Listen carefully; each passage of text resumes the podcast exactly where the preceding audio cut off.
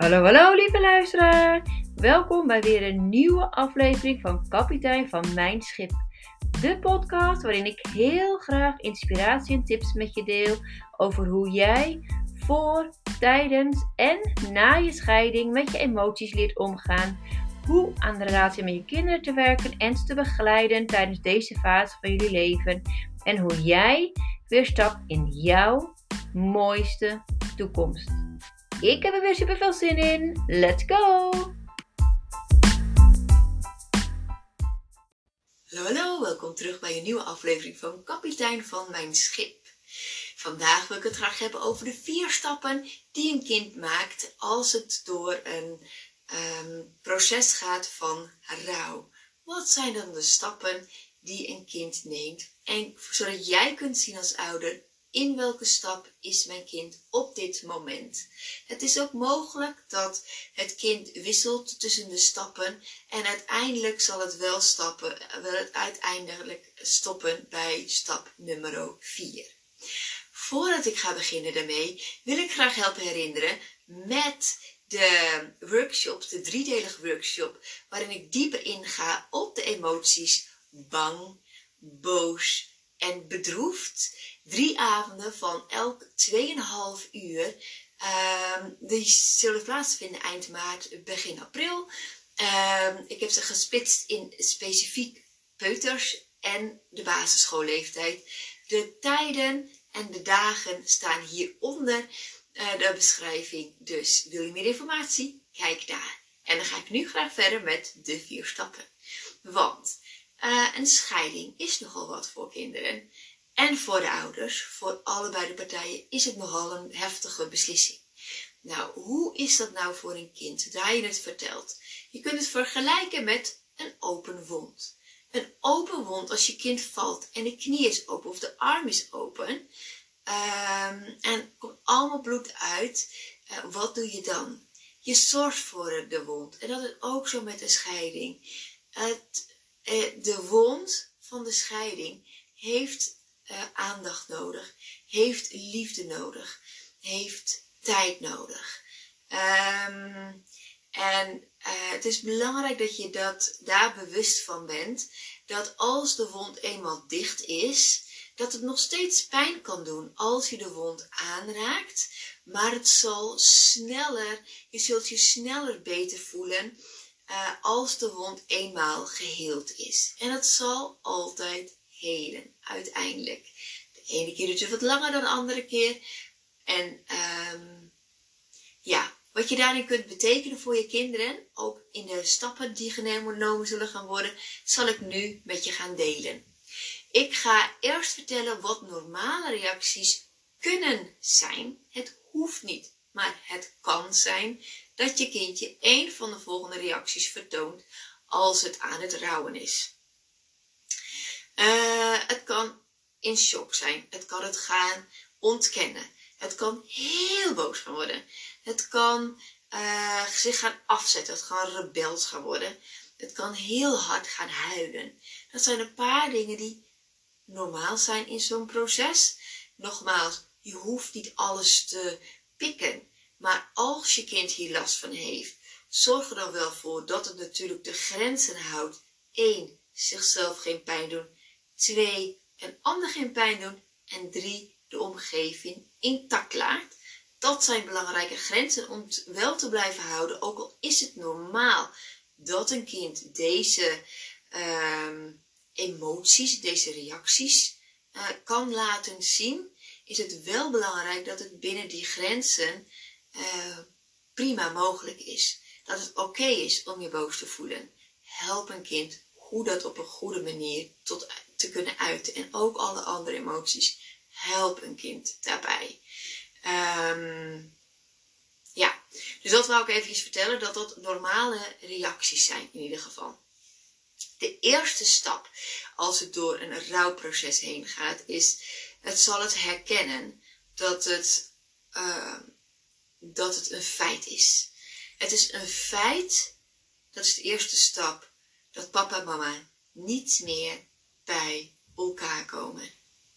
voordat deze stap genomen kan worden, is het heel belangrijk dat jij als ouder je kind niet eenmaal, maar waarschijnlijk meerdere malen gewoon helpt herinneren dat jij en de vader of moeder van de kinderen niet meer bij elkaar gaan komen.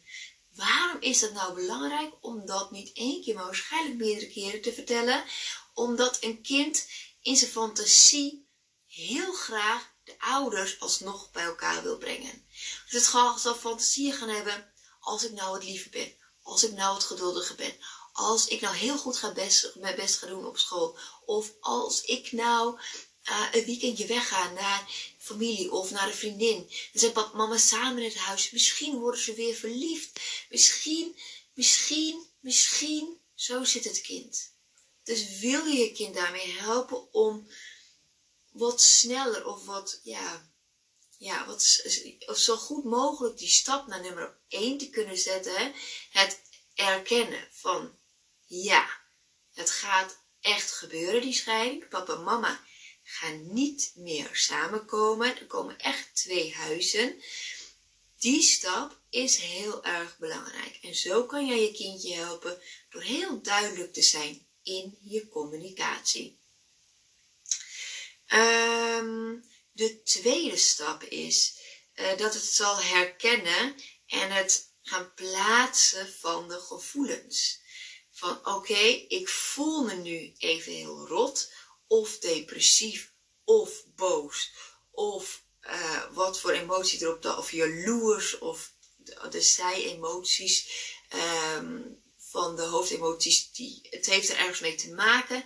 Het, ik heb daar nu last van, maar het is oké om dat te voelen. Andere kinderen hebben deze gevoelens ook en ik mag ze hebben. Um, het is oké om mijn gevoelens te voelen en ze mogen een plaats krijgen hoe, wat is dus belangrijk is, dat je in deze periode dus ook je kind helpt en ook bevestigt dat het oké is, dat het boos is, dat je uit elkaar gaat, dat het oké is. En dat je ook zegt, daar is een boksbal, gooi de boosheid er maar uit. Want het moet het lijf uit op de een of andere manier. Zorg naar manier, oh, kijk naar manieren hoe jij je kunt, begeleiden in het verwerken van al deze emoties. Um, want de emoties horen erbij en zijn oké. Um, dus dat is even heel belangrijk. Wat belangrijk, wat je ook kunt doen als ouder, is dat je praat over je gevoelens. Ik voel me nu een beetje boos of ik ben een beetje verdrietig. Maar ik zorg goed voor mezelf. Dat is heel belangrijk. Want een kind wil niets liever dan dat de ouders gelukkig zijn. Ook dat jij gelukkig bent. Dus als jij niet gelukkig bent en niet goed voor jezelf zorgt, is het mogelijk dat je kindje voor jou gaat zorgen. En dat is natuurlijk eigenlijk niet de taak. Het kan voor een korte periode zo zijn dat het is zoals het is. Maar uiteindelijk is dat niet de bedoeling. Het is de bedoeling dat jij als volwassene voor jezelf zorgt en daarnaast ook voor je kinderen zorgt. Dus Praat over je kinderen. Met, praat met je kinderen over dat jij voor jezelf zorgt. Dat jij professionele hulp inschakelt. Praat met familie of vrienden of iemand die dichtbij is. Waar de kinderen dus niet bij zijn als je met ze praat. Dat je echt even tijd neemt voor jezelf om uit het gezin te stappen. En even één op één met iemand te kunnen praten. Uh, ik kan mezelf ook herinneren dat in die tijd van de scheiding, dat ik het ook echt heel moeilijk had. En met alle ja, niet gewenste emoties ook te maken had. Het was echt een rollercoaster van hier tot Tokio. Maar ik had gewoon zorg voor mezelf. En dat besefte ik ook. Dus wat ik dan ook deed, het was midden in de wind. Het was koud, echt ijskoud. Gewoon mijn jas aan, schoenen aan, naar buiten en bellen. Of afspreken met iemand om ergens wat te gaan drinken of wat te gaan eten. Zodat ik even weg was uit de situatie, zeker wist dat de kinderen niet werden lastgevallen met mijn verhaal en mijn emoties en mijn kant van het verhaal. Zodat zij um, hun eigen proces hadden. Um, en niet werden lastgevallen met mijn proces.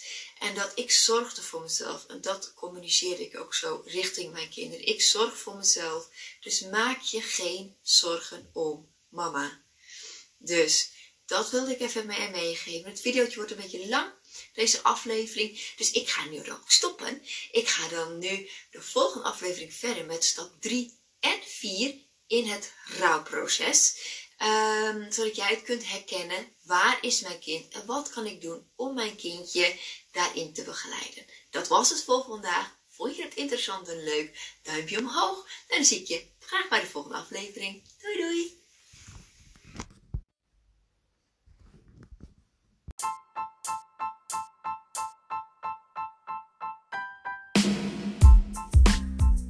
Dankjewel voor het luisteren. Ik hoop dat ik je heb kunnen inspireren en laat mij vooral weten wat het voor je heeft betekend. Mocht je de podcast waardevol en interessant hebben gevonden, deel hem dan alsjeblieft. En voor alle gratis content zou je dan alsjeblieft één eentje willen doen en dat is mijn podcast een review geven op Spotify, dat ik beter bereikbaar ben voor anderen. Alvast super bedankt voor je hulp en tot de volgende keer.